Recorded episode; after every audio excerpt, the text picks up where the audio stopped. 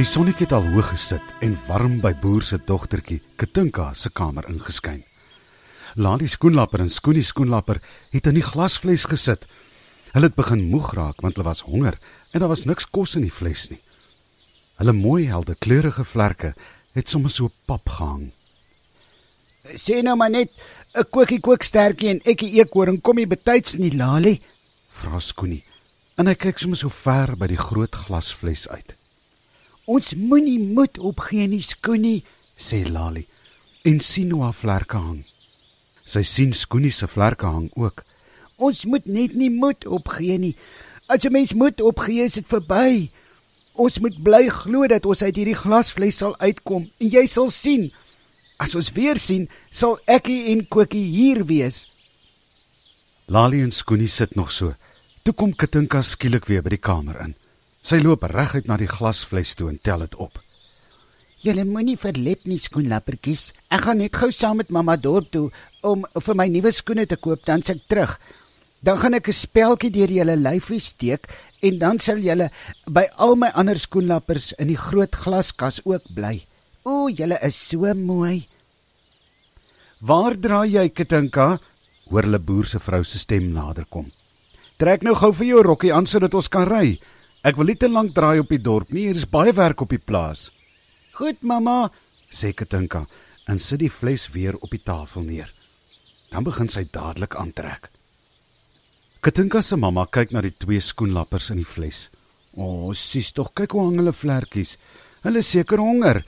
Trek jy so lank aan, dan gee ek so lank vir hulle 'n bietjie suikerwater. Boer se vrou het kombuis toe gestap en 'n teelepeltjie suiker in 'n bietjie water opgelos. Toe skep sy dit in 'n klein koeldrankbottel se proppie. Sy stap terug na Katinka se kamer toe en maak die groot glasfles versigtig oop. Lali en Skoonie is so moeg, hulle kan nie eens hulle vlerke klap om te probeer wegvlieg nie. Boer se vrou het die koeldrankdoppie met die suikerwater versigtig op die bodem van die glasfles neergesit en toe weer die fles se groot ronde koper skroefprop oor die stukkie lap toegeskroef. "Toe kom nou Katinka, dit raak laat," sê boer se vrou en stap by die kamer uit. In 'n japtrap was Katinka aangetrek en woets by die kamer uit. Lali en Skoonie het moeg moeg na die suikerwater toe gekruip. Hulle het hulle slurpies afgerol en in die koel suikerwater gesteek en hulle geproe dat dit lekker soet is. amper so lekker soos die nektar wat hulle uit die blomme kan opsuig. Hulle het nog so gedrink toe hoor hulle hoe boer se vrou en Katinka met die kar wegry. Na rukkie het Lali en Skoonie beter gevoel. Hulle kon weer hulle vlekkies oplig en roer. Intussen het ek 'n eekoring en Kokkie kookstertjie vinnig deur die bos gegaan, reguit op pad na boer se plaas toe. Ek het so spring spring op die grond gehardloop terwyl Kokkie net bokant sy kop gevlieg het. Hulle het nie eens een keer gestop om te rus nie, want hulle het geweet hulle moes so gou as moontlik by Lali en Skoonie uitkom.